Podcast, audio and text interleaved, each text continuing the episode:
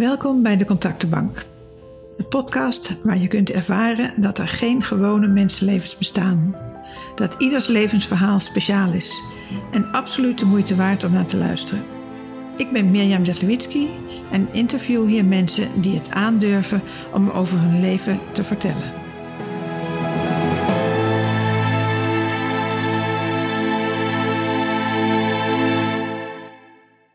Ik zit hier op de bank met Astrid Vester. Astrid is arts, eh, maar niet alleen een regulier arts. Astrid is ook uh, arts voor algemene, integrale en leefstijlgeneeskunde. Nou, voor mij is dat een mond vol. En voor Astrid is dat dagelijkse kost. Um, we gaan uh, luisteren naar het levensverhaal van Astrid. En ik ben benieuwd waardoor je geraakt wordt. Uh, of je de intergenerationele thema's uh, herkent, of het zoeken in haar leven en het zorgen. En wat ze doet op alle vlakken. De speciale weg die Astrid in de medische wereld heeft afgelegd. Um, en ja, het zorgen voor lichaam, geest en ziel. En wat haar geschiedenis daarin te betekenen heeft. En zeker in deze tijd van corona, waarin dit zich afspeelt, uh, is dat een uh, belangrijk thema. Wat zijn de obstakels geweest die ze is tegengekomen? Of wat heeft er juist geholpen? Ik ben heel benieuwd uh, wat je herkent. Welkom Astrid. Dankjewel Mirjam. Spannend, leuk. Ja, vind ik ook. We ja. samen de spits af. Dat doen we. Ja, leuk. Ja. Um, je bent uh, helemaal uit uh, Holte hier naartoe uh, gekomen. Ja. Met een, hoe lang ben je onderweg geweest? Ja, met een tussenstop in Apeldoorn, want ik moest even iets ophalen. Heb ik er 2,5 uur over gedaan. Oké. Okay. Mm. Ja. En heb je nog iets nodig om op je gemak te zijn?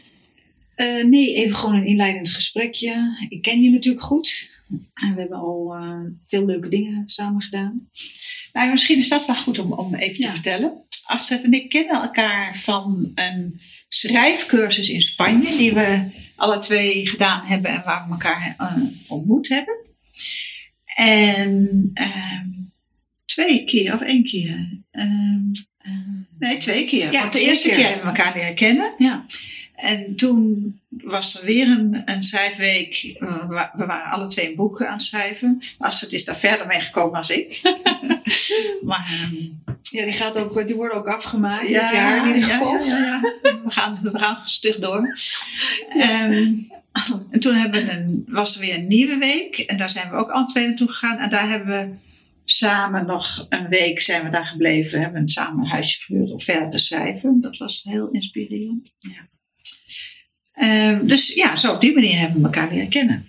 Ja. ja. Dat, uh, mm-hmm. dat is leuk. Ja, dat is, dat is heel leuk. Astrid, um, wie ben je? Wat ben je? ah, wie ben je? Oei, dat gaat gelijk al de diepte. Ja, ja, waar kom je vandaan? Ja. Wat, uh... um, ik kom oorspronkelijk uit Haarlem. Haarlem? Ja, Haarlem ben ik uh, geboren in Heemstede opgegroeid. En in Heemstede ook naar school gegaan. En later ben ik verhuisd naar Amsterdam, maar dat was omdat ik ging studeren. Uh, ik ben eigenlijk met mijn ouders, mijn hele jeugd hebben we in Heemstede gewoond. Wel verplaatst naar verschillende huizen, maar daar heb ik mijn jeugd wel doorgebracht. Ja. ja, geboren dus daar, opgegroeid in Heemstede en uh, daar ook naar school gegaan. Dus daar, uh, ja, heb ik mijn, uh, zeg maar, eerste 18 jaar van mijn leven wel doorgebracht. Ja. Ja. En ik um, ben geboren in 1962. En ik heb mij laten vertellen dat het een hele koude dag, een hele koude winter was. 29 december 1962. En uh, dat de uh, niet kwam opdagen omdat alles was dichtgesneeuwd. Oh, dus mijn okay. moeder die was daar wel met een zuster in een uh, kliniek. Het Witte Huis noemen ze dat nog steeds in Haarlem. Het bestaat nog steeds. En dat ze mij ter wereld uh, um, moest of wilde brengen. Maar dat de vroedvrouw er niet was. En dat ze het advies kreeg om dan maar even de geboorte uit te stellen. Oh. Wat natuurlijk onmogelijk is bijna. Ja. Maar goed, ze vertelde mij dat ze dat zo goed en zo kwaad mogelijk eh, had gedaan. Waardoor ik wel enigszins blauw ter wereld kwam. En eh, ik ben weggebracht. Ik weet niet precies wat ze gedaan hebben. Waarschijnlijk toch wel iets van reanimatie toegepast. En eh, ja, daarna ging mijn leven dus eh, van start, om het zo maar te zeggen. Oké. En heb je broers of zussen? Ja, ik heb één broer. Die is 13 maanden na mij geboren. En die, ja, daar hebben we dus wel veel samen opgetrokken.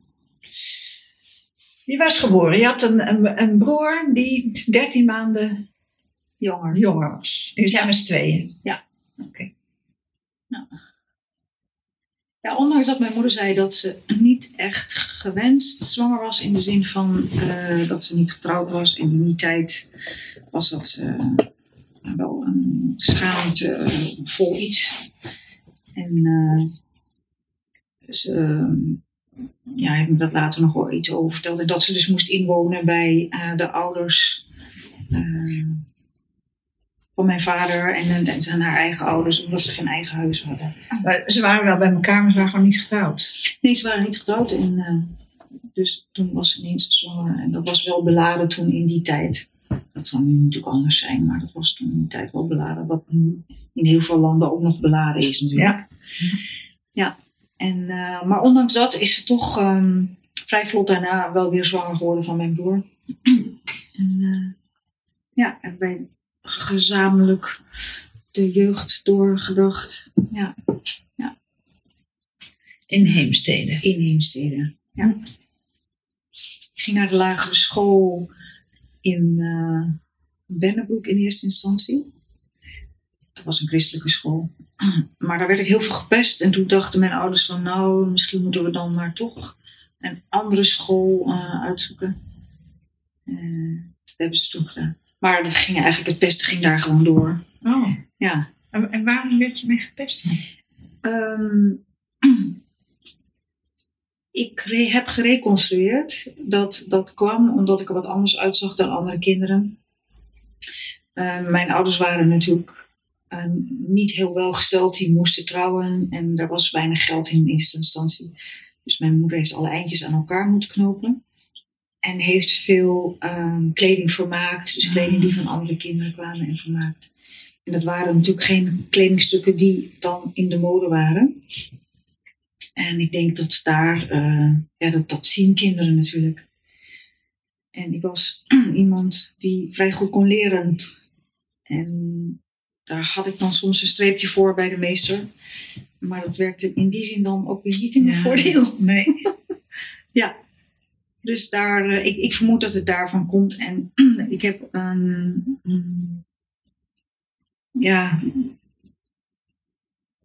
Zelf ook een beetje een gevoel van dat ik zelf ook niet overal inpas. Dus ik heb een hekel aan structuur. Hmm. Ik heb een hekel aan regels. Ik vind het moeilijk om me te conformeren aan een structuur. Dus ik denk dat het daar ook iets mee te maken heeft. En eh, ook met dat je sommige dingen helemaal niet belangrijk vindt. Hmm. Wat anderen dan wel weer belangrijk vinden. Geef eens een En- voorbeeld aan als kind. Eh, nou, dat je zeg maar in de les zit en de meester die vertelt je iets waar je dan kennis eh, van moet krijgen. Maar ik dacht, ik vind het helemaal niet belangrijk. Ja, ja. En dan staarde ik het raam uit en eh, begon ik te fantaseren in mijn hoofd allerlei verhalen. En dus zo bracht ik ook een beetje de tijd op eh, door naar school. Ja. Spijbelen deed ik niet. dacht ik later van, had ik misschien ook nog wel kunnen doen. Maar nou, ik, ik ging gewoon uit, uit mijn hoofd weg. Ik ging uit mijn lichaam weg en zelf fantaseren. En, ja. Ja, dus daar... eh, ik denk ook dat het daar iets mee te maken heeft. En omdat ik... maar daar heb, ik heb er veel over gelezen. Op een gegeven moment word, werd ik heel erg aangetrokken... tot die bijna doodervaringen waar Hans Stolp het over heeft. En eh, Pim van Lommel ook. Ja. In zijn eindeloos bewustzijn. En ik begon dat te lezen en ik denk van... Hé, ik herken daar wel heel erg veel in. Maar wanneer zou ik dat dan gehad hebben? En toen dacht ik van... Oh, natuurlijk. Ja. Ja. Dus toen ik geboren werd, toen eh, was ik waarschijnlijk levenloos. En ben ik later wel weer teruggekomen. Maar er is een klein stukje film weg. Ja. Maar dat is reconstructie. Dat ben ik niet, eh, ja, dat kan ik niet bewijzen. Nee. Maar alleen maar zeggen van ik lees dat en ik denk van het lijkt wel of het gaat over mij. Ik heb ook het gevoel dat ik nergens in pas of bij pas, dat ik dingen anders zie.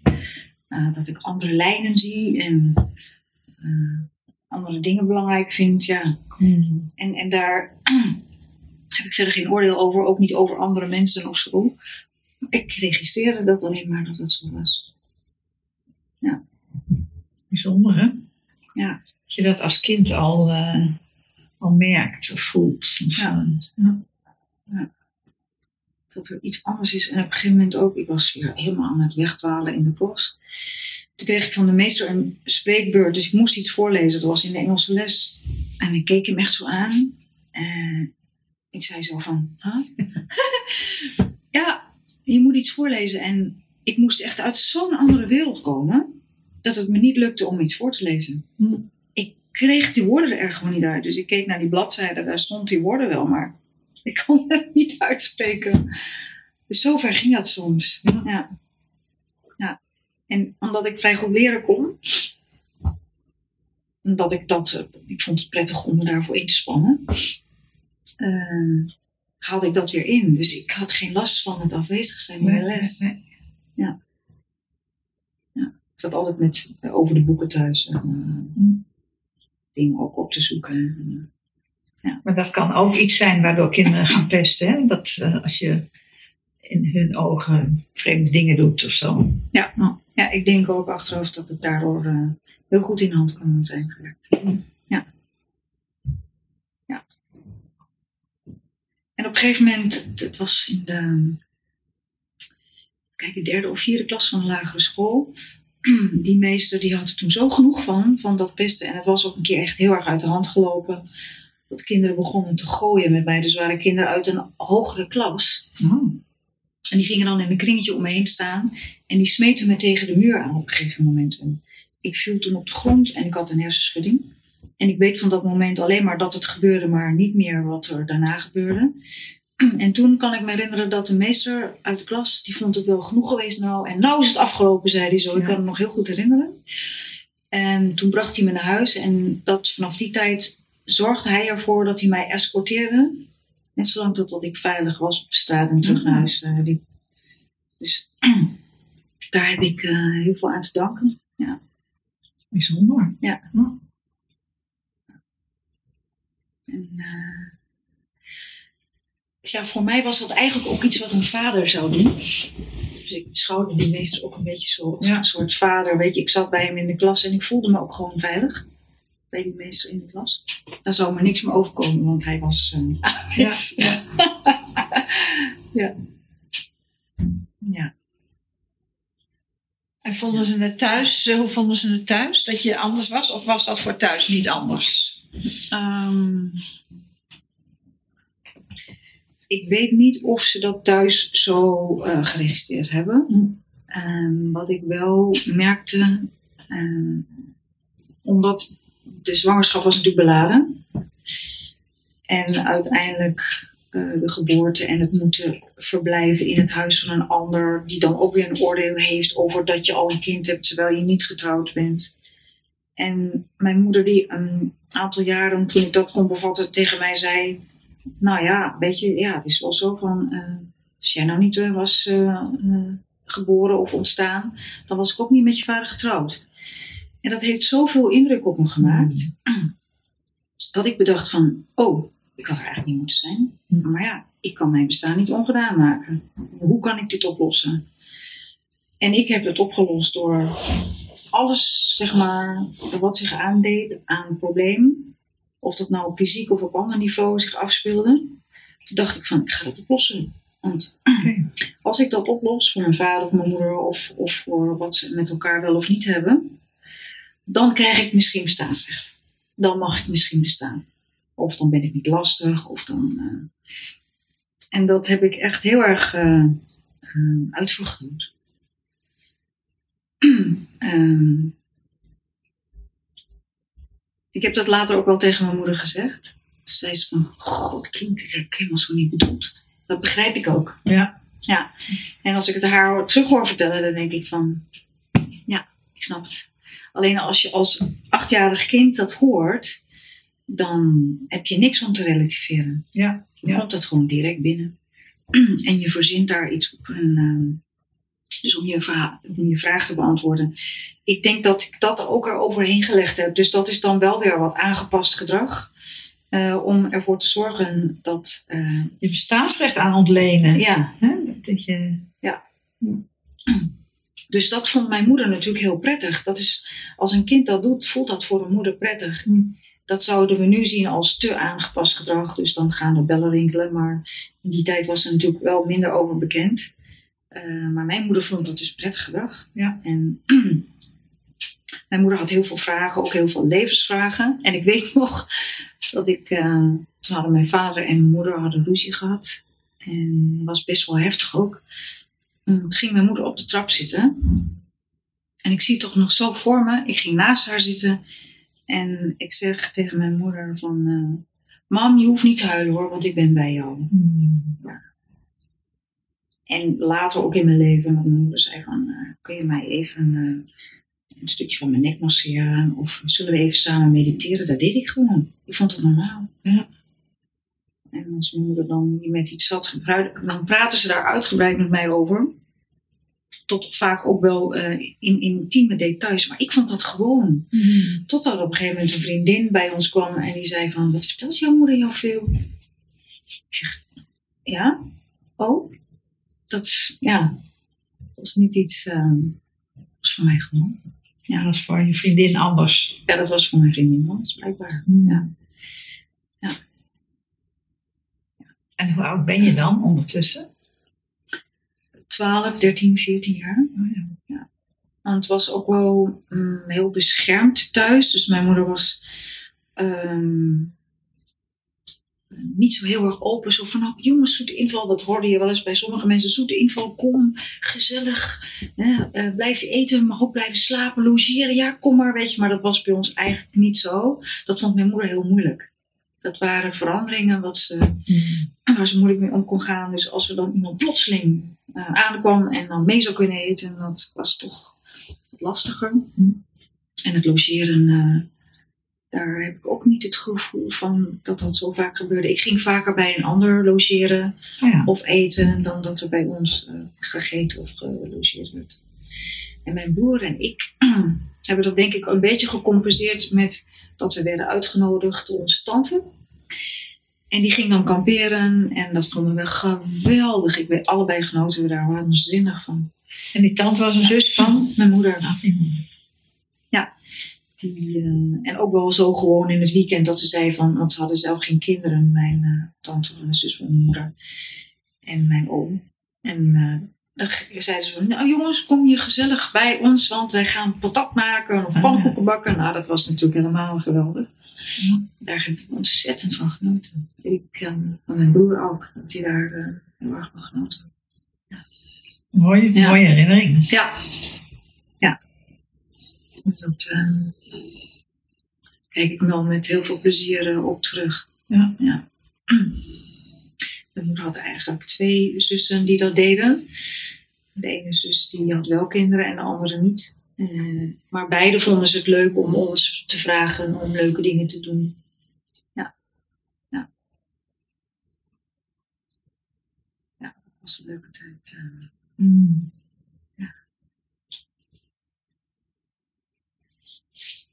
En kijk je met plezier terug naar die kindertijd? Niet alleen met de tantes, maar gewoon ook thuis? Met je ouders, je broer? gemengd, denk ik nu wel een beetje. Ehm, ik heb achteraf, maar dat is achteraf, want op dat moment besef je dat niet. Mm. De kindertijd, de jeugdjaren als best wel zwaar ervaren. Mm. Omdat mijn moeder heel veel op mij leunde. Mijn vader deed dat niet zo. Maar die was ook heel veel weg. Die moest natuurlijk werken. Of natuurlijk, die werkte. Wat, wat deed je vader? Mijn, mijn vader was boekhouder. En die ehm, had heel veel gestudeerd. Studeerde naast zijn werk ook. Dus was veel thuis weg. Ehm, waarvan hij later dan wel zei van... Ja, ik was wel veel weg. Maar ik was ook wel veel weg omdat ik het thuis niet zo leuk vond. Dus dan reed ik gewoon een stukje om. En dan was ik wat later thuis. Om, Oh. eh, ik het niet zo een fijne sfeer vond. Dus, maar dat heeft hij me ook pas veel later verteld. Dus toen dacht ik bij mezelf, oh, dus ik heb het toch niet zo heel verkeerd gevoeld. Was, ik was niet de enige die dat zo voelde. Dus maar, ja. Dus ik kijk er met gemengde gevoelens op terug. Ik heb heel veel mogelijkheden gekregen in mijn kindertijd, vind ik. In de zin van? In de zin van ehm, studeren, de mogelijkheid om jezelf te ontwikkelen. Ook wel geprikkeld daarin, omdat mijn moeder daarmee bezig was. Die ging bijvoorbeeld naar de school voor filosofie. Dat was in die tijd heel nee. ongebruikelijk. En voor een vrouw helemaal, weet je. Maar mijn moeder voelde zich niet gelukkig. En niet gelukkig met mijn vader, dus die ging zoeken. Ja. En die vond daar antwoorden. En uh, daar is nog wel heel veel over verteld. En ook dat ze daar zoveel herkenning vond.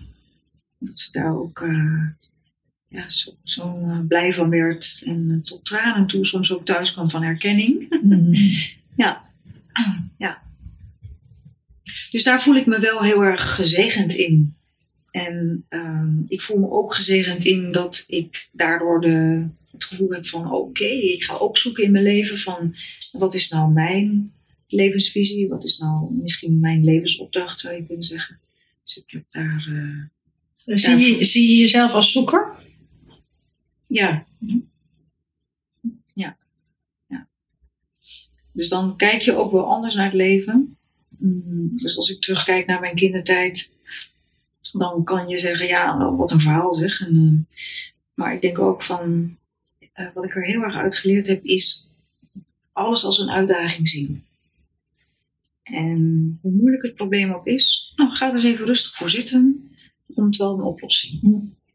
En ook geleerd om het van heel veel kanten te bekijken.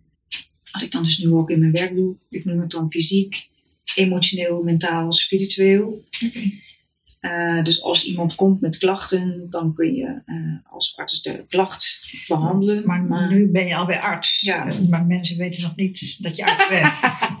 Oké, okay, laten we dat eruit knippen. nee, helemaal niet. Maar, okay. Nee, dat is even een te grote sprong misschien. Nee, misschien een mooie aanleiding om te vertellen waar je ja. nu zit. Ja. Oké, okay, ja. Blijkbaar ben je uiteindelijk arts geworden. Ja. Nou goed, gezien de voorgeschiedenis en de uitdaging om mijn vader en moeder zo goed mogelijk te helpen om daarmee bestaansrecht te verdienen, kwam ik uh, ook voor mijn gevoel, want daar voelde ik me thuis en ik dacht eerst ik wil verpleegkundige worden. En toen dacht ik dat ik goed kon studeren. Ja, ik kan ook naar de universiteit. Ja, dan kan je ook dokter worden. dus die ambitie had ik ook. En um, toen heb ik geneeskunde gestudeerd. En na zes, zeven jaar ben je dan afgestudeerd basisarts. Je hebt je boodschappen gelopen. En dan kun je verder als huisarts of je kunt je specialiseren en specialist worden. En ik wou heel graag huisarts worden, maar ik werd alsmaar uitgeloot. Ik dacht, hm, nou, ik dacht, nou, dan ga ik gewoon werken. Dan ga ik werken in de interne geneeskunde en oncologie en in psychiatrie. Een paar jaar heb ik dat toen gedaan. Uh, dus ik uh, was gaan werken omdat ik uh, steeds uitgeloot werd voor de opleiding huisartsgeneeskunde. Ja. Al drie of vier jaar achter elkaar. En op een gegeven moment dacht ik van. Ook omdat ik kennis had gemaakt met de geneeskunde en hoe het ging. Volgens mij klopt hier iets niet. Ik zag heel veel patiënten die dan werden behandeld voor hun klachten uh, met gangbare therapie. Meestal dan um, anamnese, lichamelijk onderzoek en uh, medicijnen. En soms wat uh, psychologische hulp. Maar ik had zelf het gevoel dat de klachten daar um, meer mee werden onderdrukt dan werkelijk behandeld. Dus ik had zelf het gevoel ook van, wat gebeurt hier nou eigenlijk? Wat zijn die nou eigenlijk aan het doen? We zijn eigenlijk alleen maar klachten aan het verschuiven van het ene naar het ander. Dus als je een hoge bloeddruk hebt en je krijgt medicijnen voor hoge bloeddruk. En uiteindelijk ontwikkel je dan bijvoorbeeld suikerziekte. Doordat je medicijnen krijgt voor een hoge bloeddruk die dat in de hand werken. Ja. En dan krijg je medicijnen om uh, de suikerziekte te behandelen. Eerst natuurlijk voedingsadvies en dergelijke, weet je. Dus Dat, dat, dat, eh, en en de- toen de tijd waren er nog niet echt leefstijladviezen. Dat is dan nu wel meer. Dus je kan er meer mee doen. Maar goed, dan krijg je dus medicijnen voor de suikerziekte. Maar dan gaat de maag op spelen en dan krijg je medicijnen voor je maagklachten. En ik denk van, waar gaat het toch allemaal over? Helpen we mensen zo wel? En Was dus heel erg gericht op dat fysieke. ja, precies. Ja. En toen dacht ik bij mezelf van, is dit nou wat we doen als dokter? En helpen we dus dan, hè, wat ik net zei, helpen we zo mensen wel? Wat, is, wat zit er nou werkelijk achter deze klacht? En toen begon ik daarover na te denken. En ik begon in de psychiatrie daar ook te, over te spreken met de psycholoog. En de psycholoog zei, ja, maar dat is mijn vak. Daar hoef je niet over na te denken. Afblijvers voor mij. En toen dacht ik ja, maar we moeten daar toch in samenwerken. Het is toch goed om daar eh, over te filosoferen. Misschien moeten we wel helemaal geen medicijnen te geven. En in de psychiatrie werd ze natuurlijk ook wel regelmatig antidepressiva gegeven. Dus toen dacht ik bij mezelf van Zeker in die jaren. ja, maar waarom is iemand nu depressief dan? En ik begon ook na te denken over vitamine B12. En bloedonderzoek te doen om te kijken, nou, hoe is dat vitamine B12 gehalte dan? En hoe is de schildklier eigenlijk? En daar kwam ik ook nog wel eens uit op vitamine B12 tekort. Hmm. En eh, toen de tijd was er zo dat er een huisarts op de afdeling rondliep en die ging over het fysieke. Dus toen ik daar bloedonderzoek ging doen en daar interpretaties aan verbond, toen zei de huisarts tegen mij van, ja, maar jij moet je bezighouden met de psyche, niet met het lichaam. En toen dacht ik van, hè, hoe kan het nou? Als je iemand zeg maar nu wil helpen die een B12 tekort heeft dan geef je vitamine B12 en dan ga je eerst kijken wat er gebeurt. Iemand zich dan beter voelt en misschien heb je dan nog antidepressiva nodig, maar misschien ook wel niet. Nou ja, zo begon ik na te denken en ik begon het ook te bespreken. En omdat mensen ook vaak nerveus waren, en waren ze dus bijvoorbeeld op de psychiatrische afdeling opgenomen. En eh liepen daar een beetje rond, hadden niet zo heel veel te doen. Ja, af en toe wat therapie dacht ik bij mezelf van nou, waarom zouden we geen eh, mindfulness doen of zo? Of een meditatieoefening. Ze zitten toch maar hier in de huiskamer te zitten. Dus ik ging er gewoon bij zitten. Ik zeg, jongens, we gaan even ogen dicht doen. Hou maar eens diep adem. En ik deed maar wat. Maar mensen voelden zich daar blij mee, weet je. Dus er was na een kwartiertje deden ze dan hun ogen open. En dan zeiden ze tegen mij van, eh, oh, wat was dat prettig. Doet u dat niet wel, Christen? Ik zeg, ja, natuurlijk kan dat. En ik deed dat nog een keer en nog een keer. Maar toen kreeg de psychiater daar lucht van en die kwam op een gegeven moment binnen stormen, de huiskamer binnen. Deed de deur zo open, dus iedereen verschrikt de ogen open. En die wilde dus een patiënt opkomen halen om een gesprek mee te voeren. Ehm, dus met ja, wel de boodschap van, eh, Hmm. nou ja, ik weet niet eh, of dit kan. Je ging je boekje te buiten. Ja, zo leek het inderdaad wel. En in gesprek later met de psychiater en de psycholoog eh, werden dus zo duidelijk weer de taken afgebakend. En toen kreeg ik het gevoel van, ja, maar wat doe ik hier nou dan eigenlijk? Als ik echt mensen wil helpen, zoals ik dat dan thuis ook deed, weet je, je zag van alles en je probeerde de best mogelijke oplossing daarvoor te vinden. En er was niet eh, altijd iets met, mam, je moet dat niet eten. Of, eh, ja, maar slaap je wel goed? En ehm, ik kon natuurlijk niet beschikken over medicijnen. Maar je, je bedacht allerlei andere dingen. Maar zeg je dan dat je eigenlijk toen je zeg maar beginnend arts was of, of daarmee bezig was, dat je nog steeds dat meisje was die aan het helpen was? Ja, dat denk ik wel. Ja. Ja, dat denk ik niet, dat weet ik wel zeker. dat het een verlengstuk was Ah, ja. van eh, Ja. wat ik thuis ook deed. Ehm, ja. Ja, daar kan ik dan ook straks nog wel wat over zeggen. Want op een gegeven moment loop je daar in vast. Ja. Maar goed, toen ik dit eh, meemaakte op de afdeling psychiatrie, toen dacht ik van, ik heb het verkeerde vak gekozen, ik ga het niet meer doen. Eh, toen ben ik er ook uitgestapt en eigenlijk ook omdat ik, ehm, we zouden denk ik nu zeggen, een burn-out had. Want ik had al zoveel dingen geprobeerd en het lukte maar niet. En ik- het lukte me ook niet om me aan te passen aan de bestaande structuur. Dus toen dacht ik van, ik, ga, ik stop ermee. Dus ik ben eruit gestapt en ik ben een jaar gestopt. En in dat jaar opnieuw gaan oriënteren. Ik had toen nog niet in de gaten dat ik eigenlijk mijn jeugd overdeed. Hmm. Maar wel in de gaten wat ik verder wilde zoeken. Om te bekijken van ja, maar kan ik dan mensen op een andere manier helpen? Wat is er dan nog meer? En toen vond ik dat de natuurgeneeskunde daar wel een antwoord op gaf. Dus ik heb toen een opleiding natuurgeneeskunde gedaan. Van twee jaar was in Wageningen van de ABNG. Toen, dat heet nu de Artsenvereniging voor Integrale Geneeskunde. En dat was een fantastische opleiding. Die ging over voeding en over kruiden Ah. en eh, over homeopathie en eh, allerlei andere mogelijkheden. Dus je kwam een beetje thuis. Oh man, ik dacht, ik smulde gewoon. En ik kwam mensen tegen die hetzelfde dachten als ik. Oh ja. En toen dacht ik van, hè? Dat bestaat dus echt. En het was toen een tijd ook een opleiding voor artsen. Dat was in 1994. Hm.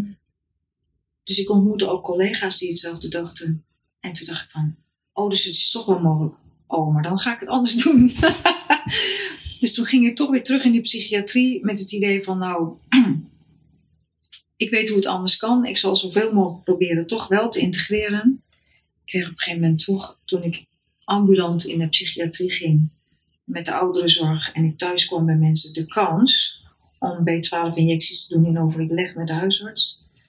Zo had ik toch wel een klein beetje. En in de tijd eh, dat ik vrij was, dus ik werkte parttime, ging ik eh, met de natuurgeneeskunde aan de slag op een zolderkamertje in mijn eigen woning. En eh, in, in twee of drie jaar had ik het gevoel dat ik afscheid kon nemen van de psychiatrie omdat ik voldoende in mijn eigen praktijk kon genereren. Nou, dat was echt een waanzinnig avontuur. En ik heb ook, eh, nou, ik heb met ik weet niet hoeveel dingen uitgebreid, omdat ik maar bleef zoeken. Dus eh, je had natuurlijk dan voeding en je had kruiden, maar er bestonden ook supplementen, vitamines, mineralen, aminozuren, enzymen, het hele ratplan. En homeopathie, klassieke homeopathie, maar ook complexe homeopathie neuraaltherapie. Ik heb nog een tijdje acupunctuur gestudeerd, maar ik kreeg die punten niet in mijn kop. Ik moest te veel stampen, ik kreeg het niet voor elkaar. Er zat voor mij eh, onvoldoende logica in. Ja, wel dan hè, de aarde, vuur, water, metaal. Ehm, dus die elementen. En ook dat de meridianen in elkaar overgingen en waar ze voor stonden. En, eh, dat snapte ik allemaal prima, maar al die punten, ik kreeg ze toch gewoon niet. Dus ehm, toen heb ik dat losgelaten. Toen dacht ik ook bij mezelf, ja, als dat zo is, dan is dat waarschijnlijk ook niet de therapie die bij mij past. Ja. Dus dan kan ik me beter focussen op eh, wat er wel is. En wat ik nu wel heb. Dus nou ja, zo ging ik vrolijk verder. In mijn eigen praktijk. Ik raakte ondertussen getrouwd eh, met een man die 25 jaar ouder was. En daar heb ik ja, heel veel van geleerd.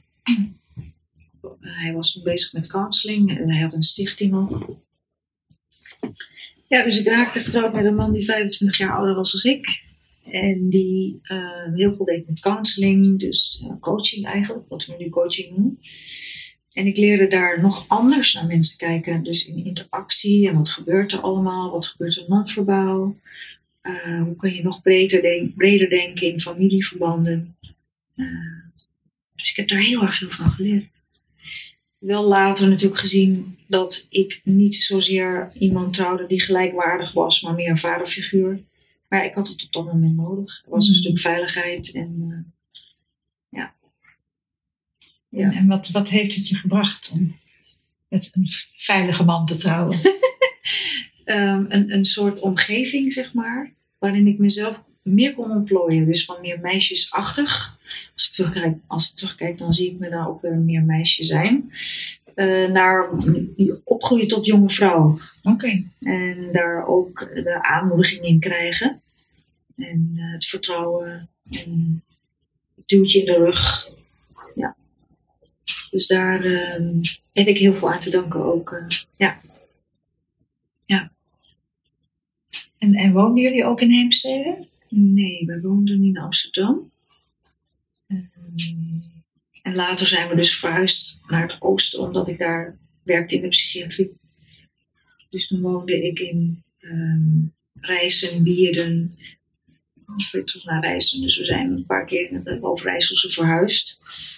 En daar, ehm, ja, daar heb ik uh, zeg maar ook daarin in die relatie een start kunnen maken met die natuurgeneeskunde. Met het anders denken en daar ook heel erg in ondersteund worden en gestimuleerd worden. Van ja, weet je, als dat je hart is, nou volg het dan. Ja. Ga dat gewoon doen. Dus dat was wel uh, super fijn. Alleen ja, nou ja, de, de, het leeftijdsverschil was echt zo groot. En op een gegeven moment, je gaat je dus ontwikkelen. Je bent dan de fase van het zoeken naar veiligheid, ga je voorbij. Ja. En dan past dat op een gegeven moment niet meer. Dus dat leidde uiteindelijk ook weer tot een scheiding. Um, nou, en, en toen rolde ik weer in een nieuwe relatie. Die dan wel meer gelijkwaardig was. Ook weer zijn eigen dingen had, maar in ieder geval meer uh, gelijkwaardig. Ja. En dan ondertussen ging ik natuurlijk verder met mijn praktijk. En daar uh, merkte ik ook in, nou ja, goed, dan heb je nieuwe tools. Voeding, leefstijl noemen we dan nu. Uh, kruiden, homeopathie, supplementen, neuraaltherapie. Dat is een soort injectietechniek die werkt met littekens en stoorvelden. Nou, allemaal fantastisch. Maar ik had toch het gevoel van, nu stuit ik op iets waardoor de klacht niet verbetert. Wat is dat dan? Mm. Dat, dat merkte je in je praktijk? Ja.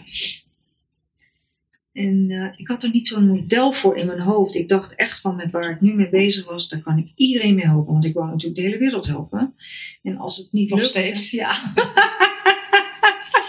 als het niet lukte, had ik zoiets van verdorie. Maar dan moet ik wel zoeken. Ik wil graag zoeken dan naar wat er dan wel is wat kan werken. Dus toen um, dacht ik mijzelf, oké, okay, als er dan nog meer bestaat, dan gaan we maar eens even surfen op internet. En toen kwam ik iets tegen en tegelijkertijd kreeg ik een patiënt die zei tegen mij, Astrid, ik loop nu al jaren bij jou voor bepaalde angsten. Daar hebben we hard aan gewerkt. Je hebt naar me geluisterd en het, het heeft ook wel wat gedaan, maar het heeft niet helemaal opgelost. Ik zeg, ja, nee, dat weet ik. Ze zegt, maar ik ben nu uh, naar iemand toegegaan en die doet uh, Tom. Ik zeg, Tom? Is dat dan? Ja, Touch of Matrix. Oh, klonk wel heel erg uh, indrukwekkend eigenlijk. Matrix. Moest ik gelijk aan een film denken. Ja. Dat is in 2013. En toen dacht ik van, hmm, dat is wel zo interessant. Daar moet ik meer van weten. Dus ik heb toen gelijk een afspraak gemaakt met Gunther de Jong. Die, die Touch of Matrix sessies gaf. Moest ik wachten. Best wel lang wachten. Ik dacht, nou ja. Voordat je aan de beurt was? Voordat ik aan de beurt Oh. was, ja. Dus hij had het blijkbaar druk. En toen dacht ik, nou, dat is niet zo erg. Want ach, ja, ik doe dat omdat die patiënt me dat heeft aangeraden. Ga ik dat onderzoeken. Misschien dat ik er wat aan heb. En toen was ik aan de beurt en ik dacht van, ik breng mijn hoofdpijnklachten in. Ik, had wel regelmatig last van hoofdpijn. In de eerste sessie zegt hij tegen mij, er is iets in je nek. Ik zeg, ja. Hij zegt, heb je ooit een whiplash gehad? Ik terug in de tijd. Ik denk, verrek. 1991? Nog verder terug? Nee, het was 1991. Ik zeg, ja. Hij zegt, nou ja, vraag maar aan het lichaam. Het zegt ja. Ik zeg, vraag maar aan het lichaam. Dus hij liet me staan. En hij zegt, oké, naar voren bewegen is nee. Naar achteren bewegen is ja. Ik raak je niet aan, zegt hij, laat me staan. En ik beweeg naar achteren. Juist. En dat was niet alles. Dus je kan dan, zeg maar, eruit komen van wat is er aan de hand en hoe, waar komt het vandaan. In dit geval dan dus de whiplash. Maar je kan het ook behandelen. En hij behandelde dat in die sessie. En ik stond even later buiten. Twee uur later stond ik buiten. Het was volgens mij... Ik had niet het gevoel dat het twee uur was. Voor mijn gevoel was het vijf minuten. Stond ik buiten. En ik keek echt zo naar buiten. Ik dacht, hé, de wereld ziet er heel anders uit. Waar heb ik mijn auto ook weer neergezet? ik kon mijn auto niet meer vinden. En toen was ik thuis. En de week die daarna volgde had ik gewoon geen hoofdpijn. Hoofdpijn vrij. Ik ben nog een paar keer geweest voor wat andere items. En toen ontdekte ik dus dat er zoiets bestond als energetische geneeskunde. En dat je daarmee dus ook een soort diagnostiek kon doen. Uh, waardoor je uit kon vinden of het probleem wat zich aandiende in de praktijk, of degene die daarmee kwam, dus of die nou echt op fysiek niveau moest worden aangepakt of uitgezocht worden, of misschien niet toch op ander niveau. Emotioneel, mentaal, spiritueel, energetisch, andere dingen. Ja, ik, ik kreeg zoveel mogelijkheden die ik kon uitzoeken. Dus ik kreeg er een tool bij om daarnaar te kijken en om dat uit te zoeken. En ik dacht echt, van, er ging een wereld voor mij open. En ik had er wel eens van gehoord natuurlijk, van mindfulness, ademhalingsoefeningen, meditatie en zo. Maar dit was echt in een handomdraai dat je dingen kon uitvinden. En ook dat eh, met bijvoorbeeld psychologische hulp iemand komt met een emotioneel stuk, met iets of, of een trauma uit het verleden, waar je waar in mijn hoofd het gang of gebruikelijk was dat je daar een aantal gesprekken voor nodig had, of een een of andere hypnose sessie of meerdere. Of pillen. Ja, of pillen, uiteraard. En dat je met deze methode kon behandelen en dat het ook heel snel wegging. En ik dacht, oké, dit heeft dus ook heel veel te maken met niet alleen maar of je dit als tool wel of niet in je bagage hebt, maar ook of je je mindset kunt veranderen of kunt loslaten dat het zo lang, zo lang duurt en dat je dit en dit voor moet doen. Je kunt het dus ook anders doen. En daarvoor moest ik zelf ook een verschuiving doormaken. Want ik was natuurlijk nog steeds bezig in de rol van dokter. Er is een klacht, je doet een lichamelijk onderzoek, je doet eventueel nog ander onderzoek en je hebt iets wat je gaat doen. Want met die vitamine B, dat was ook nog allemaal onderzoek. Ja, dus je bepaalde in het bloed dan Ja. vitamine B12 tekort. En dan was het een tekort was, kon je dat aanvullen en dan knapte de klacht op. Ja. Nou, fantastisch. Ja. 1 en 1 is 2. Ja. Ehm, maar dit was dus ehm, nog iets heel anders. En je bent in je artsenopleiding echt heel gestructureerd en wetenschappelijk opgevoed. Dus ik deed in mijn praktijk ook therapieën waar ik terug kon vinden in de literatuur. Ja, als je diabetes hebt, dan moet je natuurlijk geen suiker eten, maar ook zo weinig mogelijk koolhydraten. Ja. dat was gewoon aangetoond. En als je diabetes hebt en je hebt een niet goede mineralenstatus, bijvoorbeeld zink, ja, dat is dan ook iets wat bij kan dragen aan Ja. een diabetesbeeld of een verslechtering. Nou ja, dus dat was allemaal, hè, dat kon je staven met wetenschappelijk onderzoek, inzichten. Maar dit, helemaal niet. Dit was echt ervaringsheelkunde, ervaringsgeneeskunde. Eh, energetische geneeskunde heb ik het later genoemd. Dus je was weer, net als vroeger, uit de structuur. Ja, dat is wel mooi dat je dat zegt. Ja, want ik moest inderdaad in de geneeskunde in de structuur Ja. persen. Ja. Ja, waar ik me niet, niet echt gemakkelijk bij voelde. Maar ja, ik heb het gedaan omdat ik dacht, ja, maar je wilt dokter worden. En pas in de praktijk zag ik terug dat die structuur gewoon niet werkte. Mm. Tenminste, niet voor mij werkte. Ja, zo kwam ik op een gebied van... eh, ik- ik kreeg het gevoel, laat ik het zo zeggen. Ik kreeg het gevoel van, nu zit ik op het spoor. Oké. Ja. Je kwam thuis. Ik kwam hier thuis. Er was geen structuur, maar dat geeft niet. En Dat toen, was lekker. Ja, dat was prettig. In eerste instantie dus lastig om los te laten, maar later prettig. En begon ik ook te ervaren wat een enorme creatief kanaal ineens openging In jou. in mij. En, en hoe, wat is een creatief kanaal? Dat je allerlei combinaties ging maken waarvan je dacht van, huh, wat zit ik nu allemaal te doen eigenlijk? Dus iemand komt hier met suiker, suikerziekte en jij gaat bezig met een thema in de familie en je behandelt dat en de bloedsuiker stabiliseert. Hmm, bijzonder. Ja, dat was echt heel bijzonder. En het was natuurlijk ook wel aan te tonen, dus dat was wel fijn. Maar eh, ik kon mijn fantasie daarin laten gaan. En ik vroeg het aan het lichaam. Dus mijn ehm, strategie was uiteindelijk, en Gunther zegt tegen mij, ja, jij doet niet meer echt Touch of Matrix, maar jij doet Touch of Matrix Astrid. Je doet het op jouw eigen manier. Jij Ja. gebruikt eigenlijk de Touch of Matrix als een soort diagnosticum.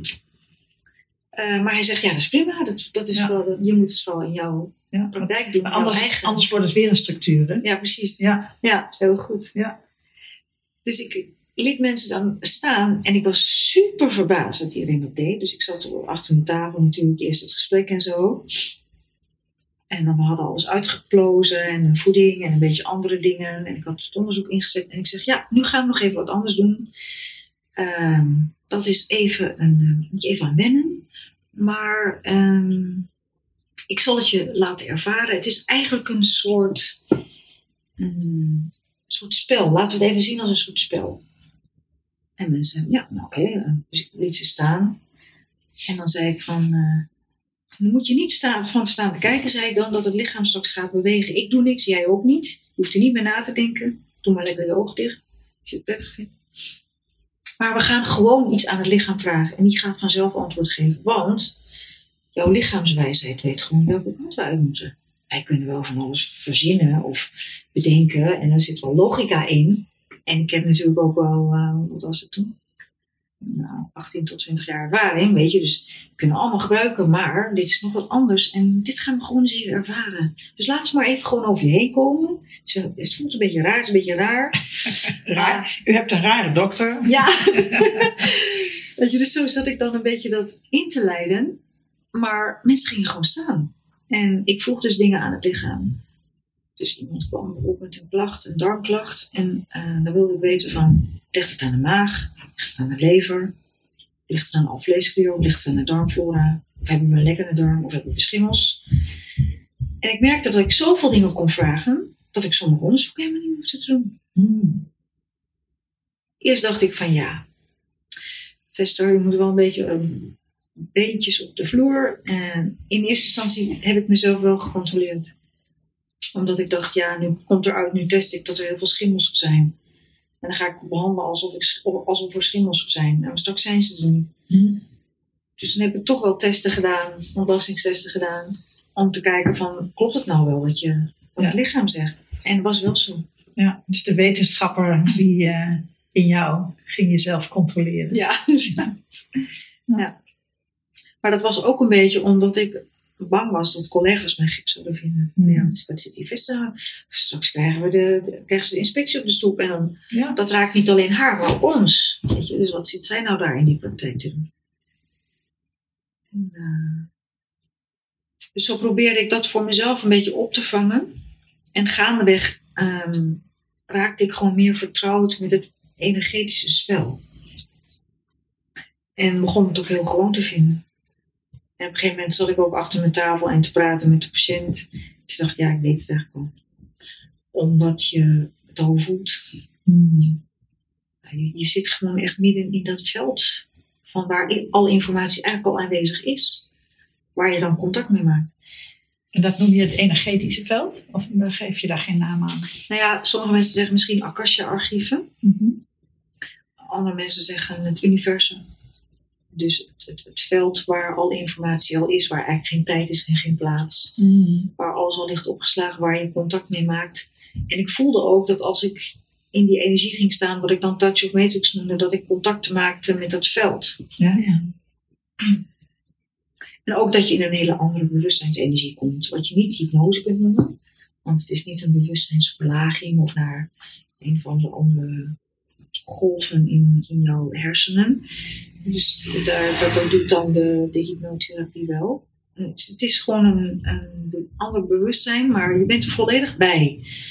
Dus mensen hadden ook het gevoel van, hè, mijn lichaam doet iets, maar ik doe dat niet. Wat gebeurt er dan? En ik begon het zelf ook te zien als er is iets in het lichaam wat praat. En ik noemde dat het zelfhelend vermogen. Of de ziel, zo kun je het ook noemen de wijsheid van het lichaam, het zelfwillend vermogen, de ziel die alle informatie in zich heeft. En die uh, gaat praten via het lichaam. Dus toen dacht ik, ja, natuurlijk, het lichaam is natuurlijk ook een spiegel voor wat er allemaal in je leven zich afspeelt. Als iemand een klacht heeft, dan kun je zeggen van, knok, knok, knok, knok. Je lichaam die klopt aan de deur, uh, die wil je iets vertellen. en het is blijkbaar een manier mm. om dat te doen. omdat het op een andere manier niet lukt. Of het is gewoon de manier voor jou om te luisteren. Of eh, je kunt op allerlei manieren kijken. Of we zijn het verleerd in onze westerse maatschappij om te luisteren naar ons lichaam op die manier. Ja. ja, dat zou je ook heel goed kunnen zeggen. En het is een hele snelle maatschappij. Heel veel dingen moeten met het hoofd. En het gaat maar door, weet je. Ja. Dus eh, dat je ook nog een lichaam hebt die een verhaal vertelt. Ja, dat is Ja. voor heel veel mensen. eh, Want als ik, als ik het dan goed versta, dan zeg je eigenlijk dat alles wat er in je leven gebeurt, of het nou emotioneel of materieel is, slaat zich op in je cellen. Ja. En die uiten zich op, op momenten dat ze Ja. vinden dat ze zich moeten uiten. Ja, mooi dat je dat zegt. Dat brengt ook gelijk me dan even op het begrip celgeheugen.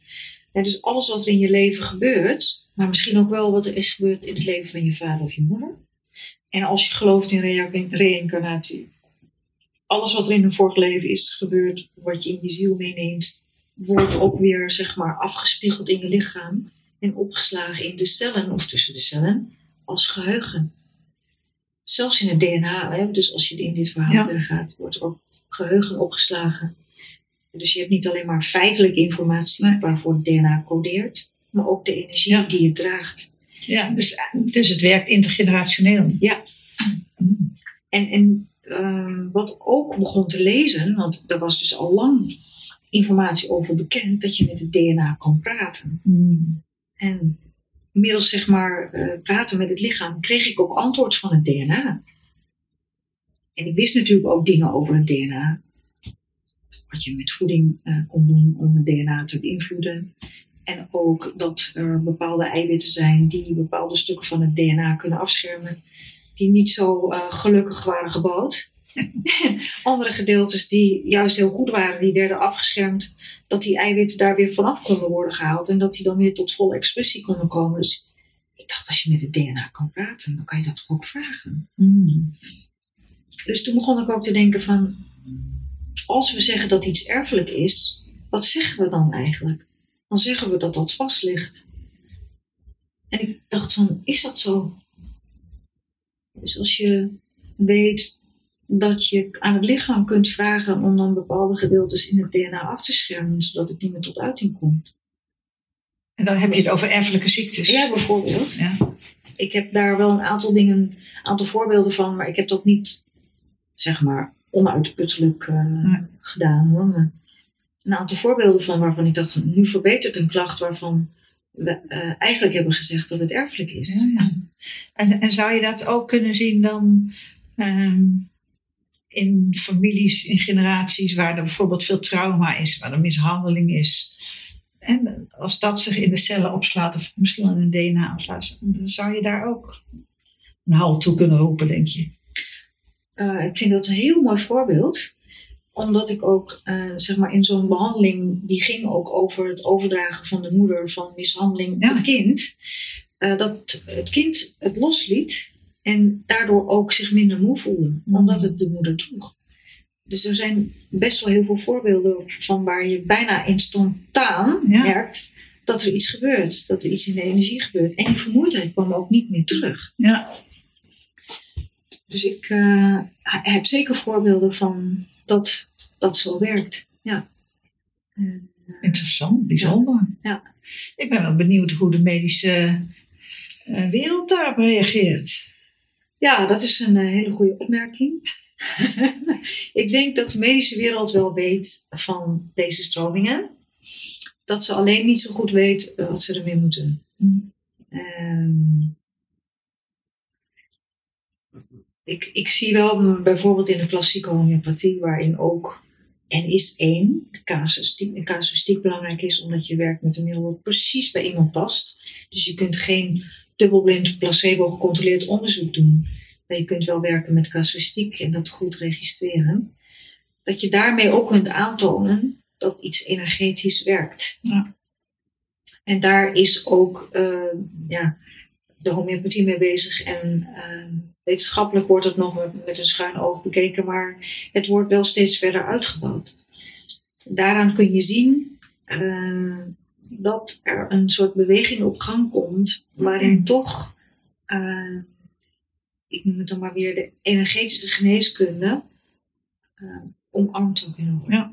Want ik heb juist het gevoel dat zowel de homeopathie als allerlei andere alternatieve stromingen steeds meer in het, uh, in het verdomhoekje terechtkomen, in de kwakzalverijhoek.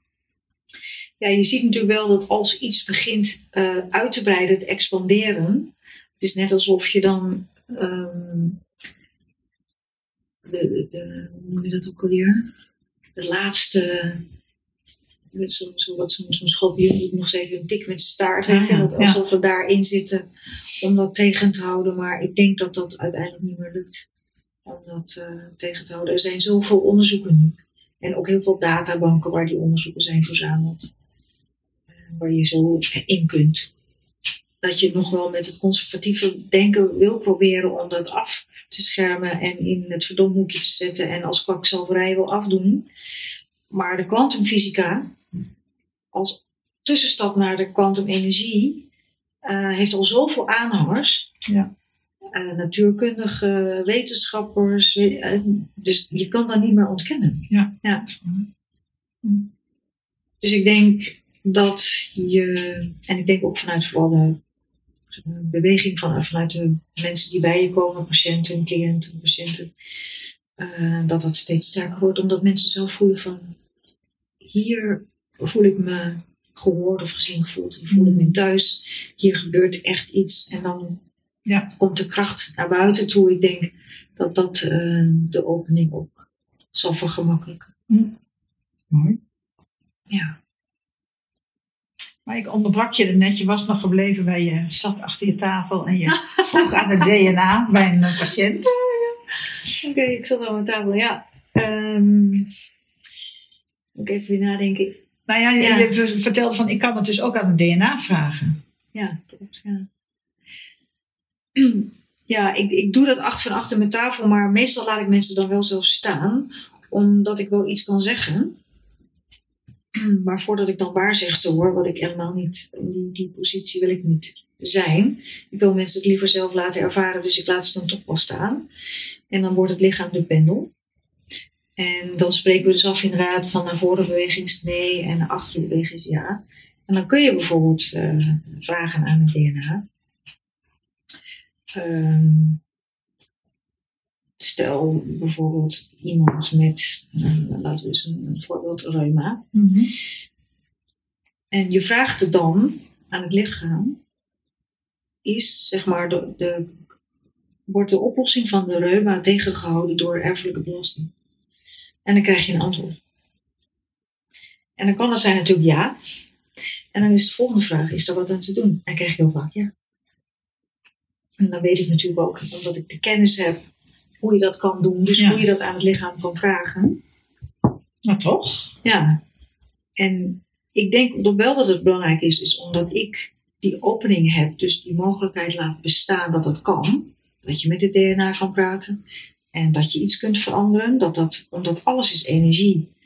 Uh, weet je, dus ook als ik kijk naar uh, de bank, dan lijkt het heel erg compact. Maar het is 70%, 75% is gewoon energie. Um, dus als je een molecuul, als je dat opent, dan zie je een kern en dan zie je elektronen doorheen draaien. En 75%, 80% is energie. Um, als je dat weet en je staat daar ook zo, alles is energie, dan kan iets als energie ingekomen zijn, maar dus ook als energie weggaan. Ja. Zo zeg ik het ook tegen mensen. En dat vinden ze heel makkelijk om te begrijpen, blijkbaar. Dus als ik daar voor opsta en dan degene die je behandelt ook, nou, dan zijn er waanzinnige dingen mogelijk. Ja, zoals bijvoorbeeld reuma, wat in principe ongeneeslijk uh, is in de medische wereld. Kun je daar wat mee dan? Kun je daar mensen mee helpen? Reuma heeft heel veel verschillende lagen. De eerste laag is al dat het reuma wordt genoemd. En wat betekent dat? Je hebt RA, reumatoïde artritis. Dat betekent van je zit er jaren aan vast, je komt er nooit meer vanaf. Je krijgt medicijnen, methotrexaat of andere medicijnen. Uh, voeding helpt toch niet. Uh, dus er is een heel mm, voor, ja, ja, standpunt over reuma. Dan krijg je de diagnose, maar ook al die standpunten en al die energie krijg je mee. Dat zit al in je energiesysteem. Dus daar moet je mee beginnen. Zo. Dus dan versta ik dan nog goed, zeg je dan, je krijgt al de ideeën over dat reuma ongeneeslijk is, krijg je mee. Ja, onder andere. En hoe je het moet behandelen. En hoe je het moet behandelen. En hoe lang het duurt. En dat het waarschijnlijk levenslang is. En dat je nou ja, Hm.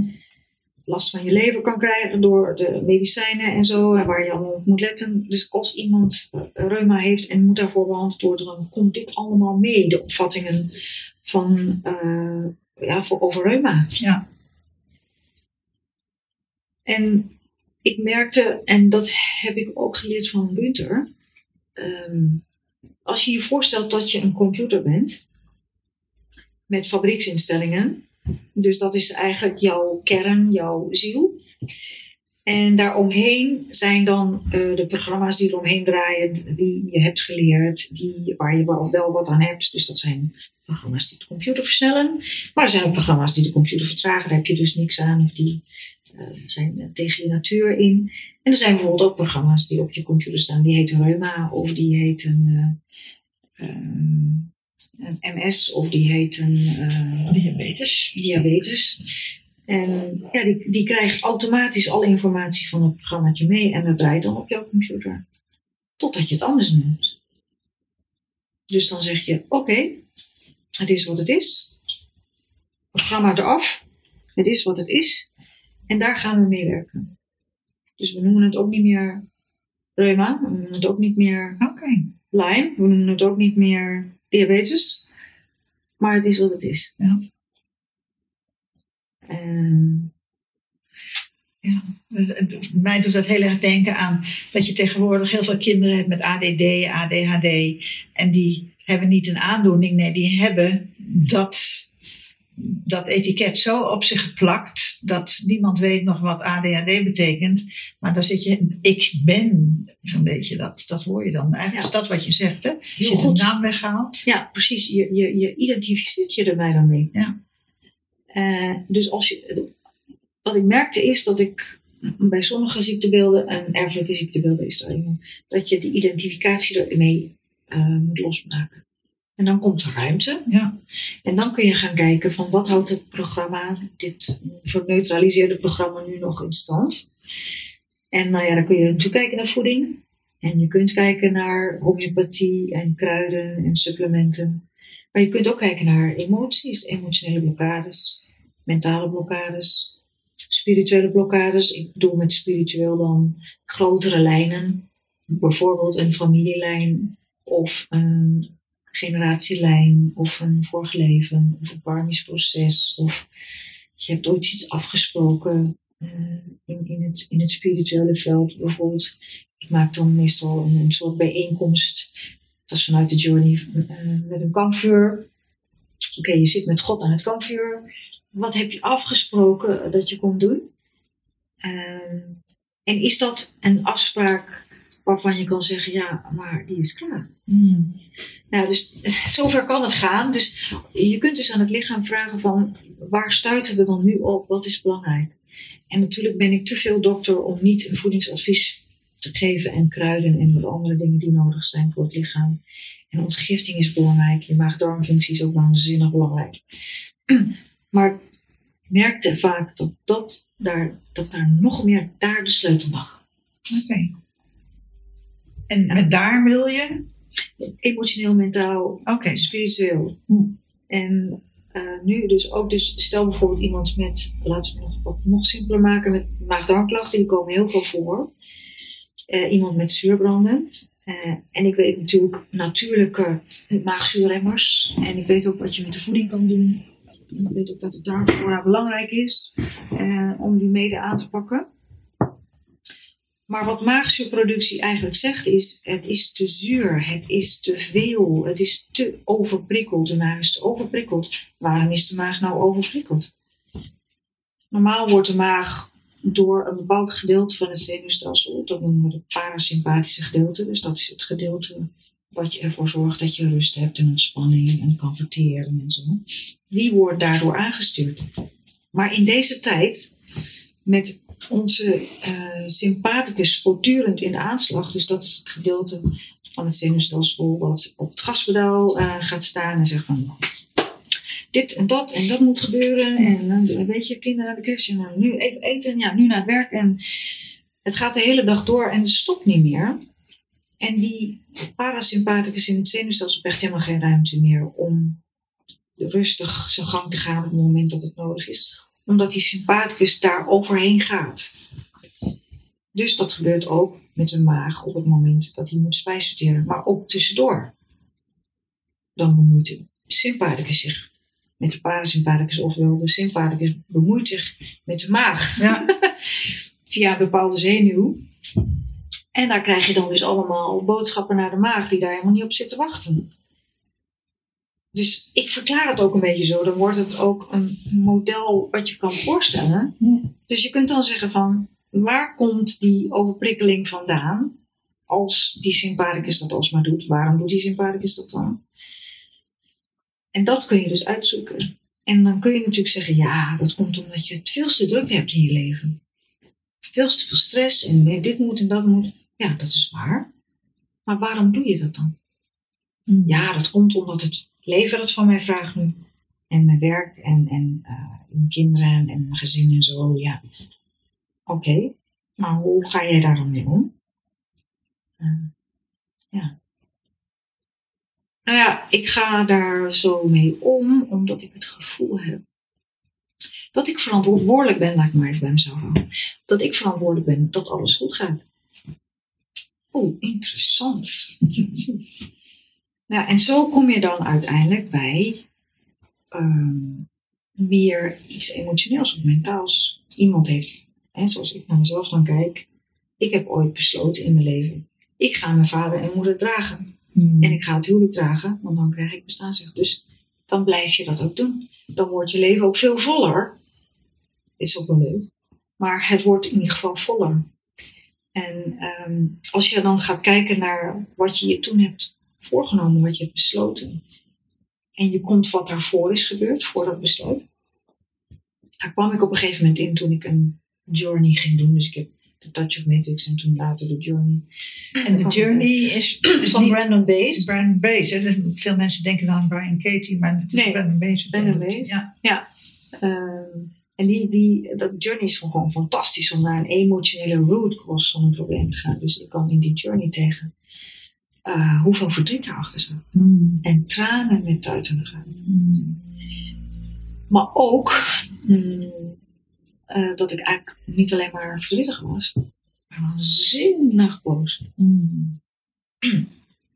En ik kon dat in mijn, in mijn lichaam ook voelen exploderen. En ik voelde doordat ik daar doorheen ging, eh, dat ik het leven anders begon te zien. En dat ik ook, zoals ik nu zeg ik wel eens tegen patiënten, kan je niet helpen. Of iemand die zich meldt, die zegt van, ja maar dokter, ik moet zoveel voor het consult betalen. En eh, u heeft gezegd dat er ook nog onderzoeken bij komen en nog supplementen en zo. Het wordt wel heel veel geld. Ik zeg, ja, dat is waar. Eh, ja, dokter, kunnen we het dan niet zo doen? dat we het eerste consult gewoon dan door laten gaan en dan het vervolgende consult doen we een kwartier, want dan verze- vergoeden verzekeringen. En normaal, vroeger zou ik gezegd hebben, ja, natuurlijk. Maar nu zeg ik nee. En waarom zeg ik nee? Omdat ik mezelf, eh, zeg maar, eh, dat waard vind. Hmm. Ja, dus ik heb gezegd van ik heb een bepaalde manier van werken. Daarin heb ik een goed gevoel en degene die bij mij komt ook, maar ik ook. En eh, Dus je hoeft je bestaansrecht daar niet meer aan te ontlenen. nee, en dat is op zich wel een ontdekking. Dat je jezelf toestaat om daar nee eh, te zeggen. En in plaats van een schuldgevoel, of schaamte, of eh, ik heb het niet goed gedaan, wat ook. eh, wat in, in, in eerste instantie wel een beetje was hoor, ik moet eerlijk zijn, maar dat dat nu helemaal niet meer zo is. Het is juist een bevrijding dat ik heb gezegd van nee.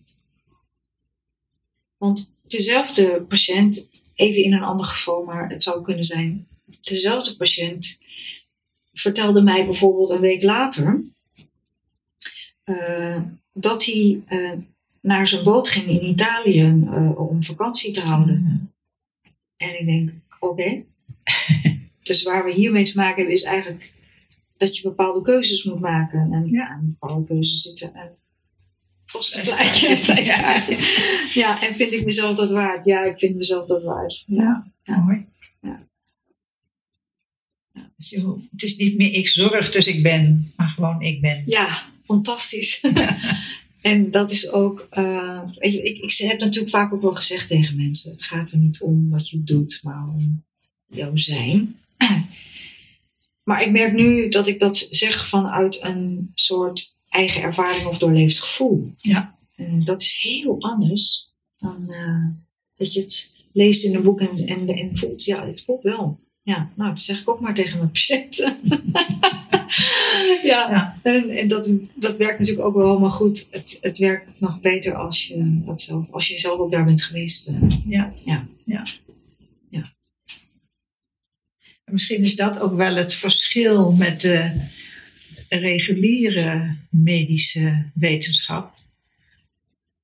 Dat je daar eigenlijk eh, feiten uit je hoofd leert of, of gegevens uit je hoofd leert. En dat het heel weinig met jezelf te maken heeft. Ja. Terwijl wat jij nu vertelt gaat heel erg over jezelf. Want een andere arts doet het weer op zijn of haar manier.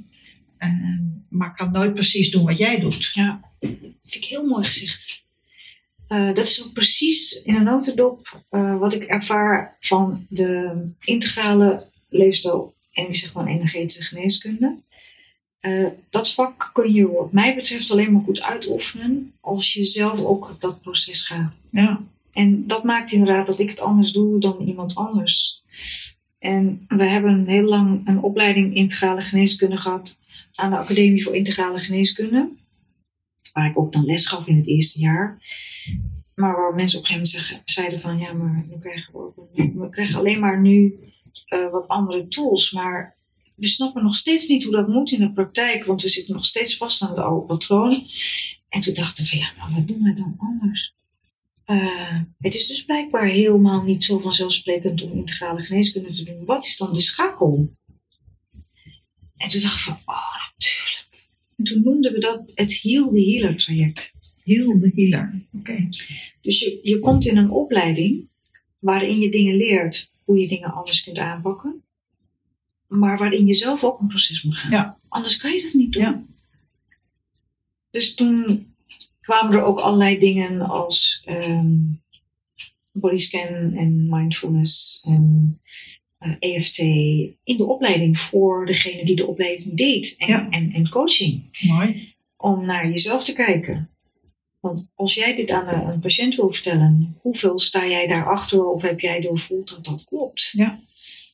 En daarom ging het. En toen lukte het ineens wel om het in de praktijk te brengen. Maar we waren helemaal vergeten dat wij zelf ook die stap hadden gemaakt. Ja. Weet je, dat vind je dan zo vanzelfsprekend. Maar het is mooi dat je dat noemt, want het is inderdaad zo. Ja. En nu is er ook in de psychiatrie, ik was laatst bij een lezing, ik ben even de naam kwijt van de psychiater die die lezing gaf. Eh, Vast niet Dirk de Wachter. Nee, nee, nee. Maar die vertelde gewoon heel mooi met allerlei onderzoeken ook gestaafd. eh, dat de behandeling van de patiënt, dat het in feite minder uitmaakte wat je deed, maar meer welke verbinding maak je met jezelf, Ja. welke verbinding maak je met degene die voor je zit. Ja. Daar loopt alles op. Ja. Als je die verbinding niet hebt, ja, dan eh, zijn er prachtige therapieën, maar dan heeft Ja. het niet het effect. Dat herken ik heel erg ook toen ik, ik, ik ben eh, familie- en gezinstherapeut. En ik weet nog wel in het begin dat je dan heel erg je best doet met hele mooie interventies en goede dingen zeggen. En als je dan achteraf aan een cliënt vraagt wat heeft je nou geholpen of wat heeft indruk gemaakt of wat blijft hangen, dan zijn dat ehm, altijd persoonlijke dingen. Hè? Iets van iets liefs wat je gezegd hebt of gevraagd hebt hoe het thuis ging. Niks interventies of eh, allemaal dat soort dingen. Ja, prachtig. Ja. Ja. Aandacht die je voor iets had. Of, eh, dat mensen voelen dat ze voor je zitten en ook als mens worden gezien. Ja, ertoe doen. Ertoe doen. Ja. Ja. Dat is in, in wezen was dat ook mijn intentie waarom ik dit, hè, deze contactenbank begonnen ben. Ja. Dat zoveel mensen zeggen, ja, ik heb niks te vertellen. Of hè, wat, wat maakt het nou uit wat ik doe? Of eh, zoiets. Ja. Terwijl ik denk, ik heb in die 25 jaar van, van therapie nog nooit iemand gehad waarvan ik dacht, nou, dat leven is nou niet de moeite waard. Nee. Nee, Nee. Dat, dat, En dus ieder leven doet ertoe. Ja. Maar als je nou bij jezelf terugkijkt, wat zijn nou keuzes in jouw leven die je gebracht hebben bij waar je nu bent? Wat, wat heeft geholpen en waar heb je spijt van? Of, of eh, wat heeft niet geholpen? Spijt is misschien niet de goede Ja. vraag. Ehm, ik denk dat ik, mm, ik, ik. Ik weet niet goed het antwoord op die vraag, laat ik dat vooropstellen. Ehm maar dat heeft waarschijnlijk ook een beetje te maken met een instelling, omdat je kunt een keuze maken waarvan je zegt: ja, die heeft er niet zo uitgewerkt zoals ik dat had gedacht, of die heeft me nou niet windeieren gelegd, of nou ja, ik ben dan voor een tweede keer getrouwd en ik heb daar bepaalde dingen eh, in gedaan of een standpunt ingenomen of mezelf weggeschreven. Ja, was nou niet zo slim om te doen. Maar doordat die relatie beëindigde, omdat het natuurlijk vreselijk scheef zat en mijn wereld totaal instortte, moest ik opnieuw een eikpunt vinden. Ja. Dus Toen je ging scheiden. ja. Ja. Dus ehm, ik moest weer nadenken over hoe, hoe, hoe ga ik mijn leven inrichten zoals ik, ik, ik nu dat echt zelf wil. Wie ben ik eigenlijk? Ja. Want ik heb me geïdentificeerd met heel veel rollen. Maar, maar zeg je dan, ik zat eigenlijk in mijn comfortzone toen ik in die relatie zat.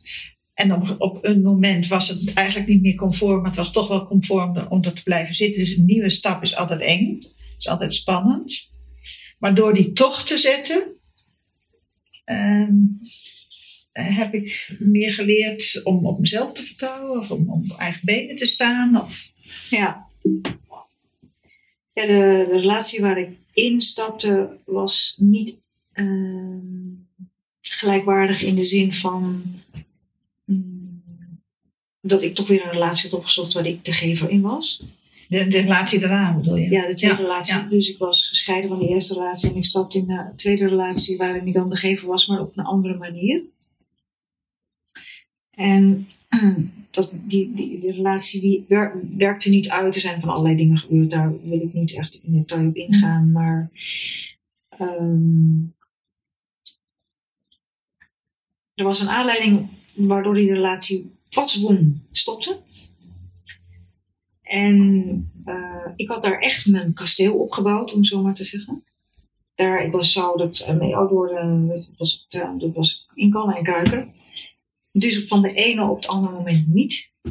Dus toen stortte mijn wereld in. Maar ik had zelf die stap nooit genomen om uit die Nee. voorzone te stappen. Nee.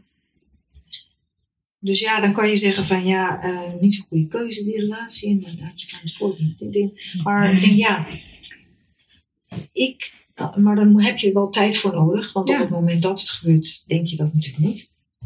Maar later dacht ik wel van ja, dit is wel waarom ik nu zo ver gekomen als ik nu ben. Ja. Omdat ik in mijn eigen kracht moest gaan staan. Ja. Ik moest gaan kijken, wie ben jij nou eigenlijk? Wat ben je nou eigenlijk aan het doen? Ja, dus dan heb je zo'n tweede relatie nodig om, om zelf verder te groeien, verder te ontwikkelen. Ja? En, en, dus dat, is, dat noem ik niet het feit dat zo'n eh, relatie fout loopt, noem ik niet een foute keuze. nee. Nee. Nee. Dus dat zijn eigenlijk allemaal keuzes die je verder gebracht hebben. Ja, dus je zou het als een foute keuze kunnen zien, maar Nou, dat vind ik zelf Nee. Nee. Nee. En zo kan ik niet zo goed keuzes in mijn leven aanwijzen die waarvan ik uh, achter sta. Hm. Zo zeggen, het is fout, zelfs ook niet financiële keuzes die je hebt gemaakt. Nee. Ja, waarom moet je veel geld uitgeven? Ja, was misschien. Hmm. Maar ik heb wel geleerd dat. Ja. En als je dan het woord keuzes weglaat, wat, wat heb je van huis uit meegekregen waarvan je denkt dat je daar je voordeel mee gedaan hebt? Ehm, Of wat heb je gemist, kan je ook zeggen, als er dingen zijn die je gemist hebt. eh, ik denk dat door de situatie waarin we groot werden gebracht, er was bijna niks van niks iets maken. Dat kon mijn moeder heel goed. En dat heb ik zelf ook. Je ziet niet zozeer de minpunten, maar meer de lichtpunten. Of ja, het kan ook zo. Weet je, dus steeds mogelijkheden zien, wat versterkt werd uiteindelijk ook. Doordat je als kind bedacht, nou ja, als ik bestaansrecht kan verdienen door hier iets op te lossen, nou dan ga ik dat doen. Weet je, en dat is zo belangrijk. dat komt vanuit een soort overlevings. eh, eh, drive, dat ik daardoor het gevoel heb dat ik geleerd heb om eh, tot, iets, tot de kern van iets door te dingen. Ja. Om me daarvoor in te spannen in ieder geval. Ja. Ja. Dus dan, als ik dat dan goed versta, dan zeg je van, ehm, er was niet veel, maar mijn moeder, want het gaat over je moeder volgens mij wat je nu zegt, Ja, dat klopt. Ja. ehm, verstond de kunst om van niets iets te maken.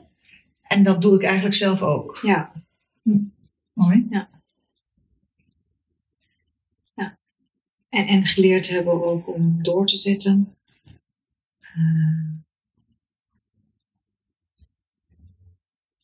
ja, ik, denk dat ik daar dat ik dat echt wel van huis uit ook heb meegekregen.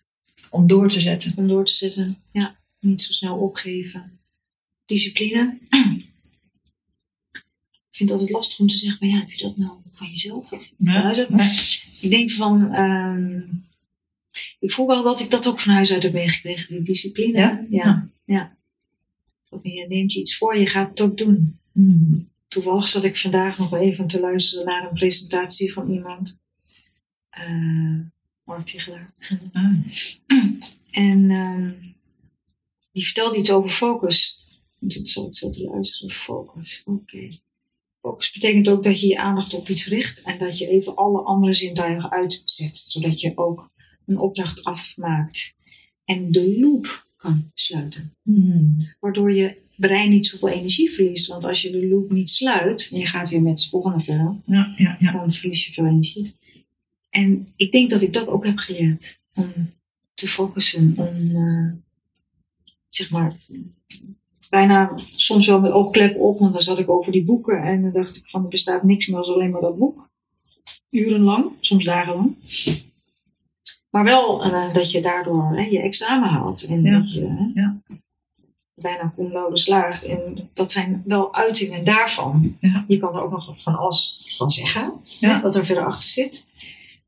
Maar dat vind ik ook wel dat ik eh, van huis uit heb meegekregen. En ook eh, de mogelijkheid om te studeren en om het te ontplooien. En ook het ontplooien aan zich, dat dat als positief werd gewaardeerd. Hmm. En wat mijn moeder is dan mee bezig was. Ja. Maar ook wat je in het begin zei, je bent ook een zoeker. Ja. Hè? En, en is, hadden je ouders dat ook? Waren dat ook zoekers? Mijn moeder zeker wel. Nou ja. Ja, en een zoeker dan vanuit haar onvrede. Mhm. En het gevoel ook van, ja, maar ik krijg niet de aandacht in mijn leven die ik wil. Of wat is er dan? Hoe zit het nou in mijn, hoe zit het leven in elkaar? Eh, ik ben ongelukkig. Waar, wat, wat, hoe, hoe kan ik me daarin verhouden? Dus die begon wel te zoeken. Hm. Ja, ik denk wel, eh, ik zie mijn moeder daarin ook in haar kwaliteit. Want als ik nu naar haar kijk, eh, ze woont alleen in uh. Die is 84. Ik hoop dat ik het goed zeg. Maar die, die woont daar gewoon alleen en die, die, die houdt zich staande. Ja.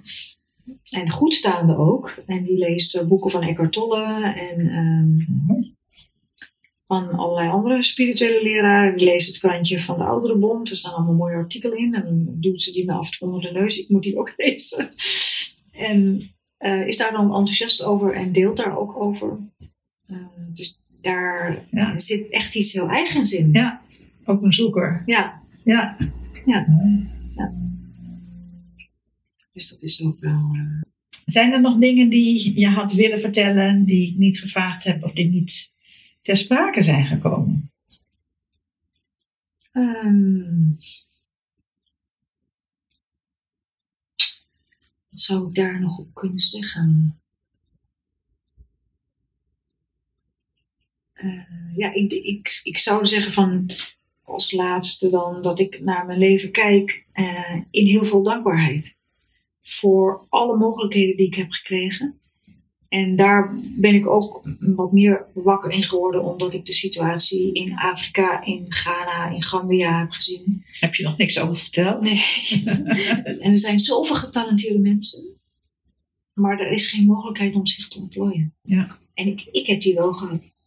En daardoor ook, zeg maar, eh, in, in volle bloei en aan- aanwezigheid in het leven kunnen staan. En natuurlijk kan het nog meer nog beter, nog uitgebreider. En elke dag leer ik weer. Mm. En voel ik ook dat mijn bewustzijn zich uitbreidt.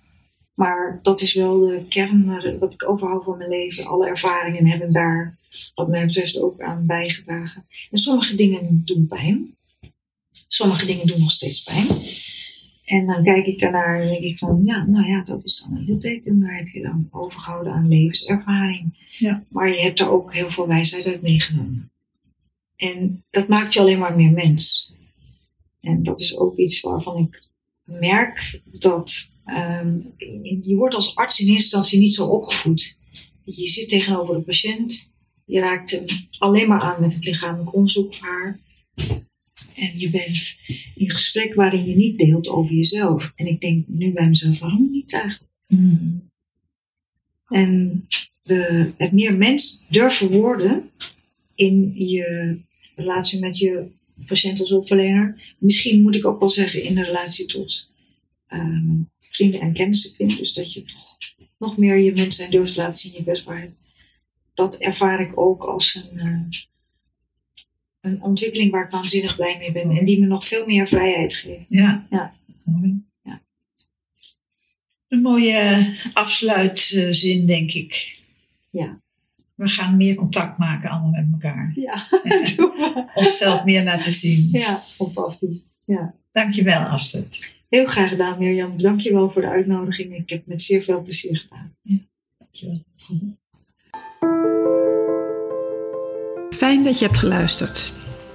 Als je benieuwd bent naar meer levensverhalen, druk dan op de volgknop of zet me op je afspeellijst.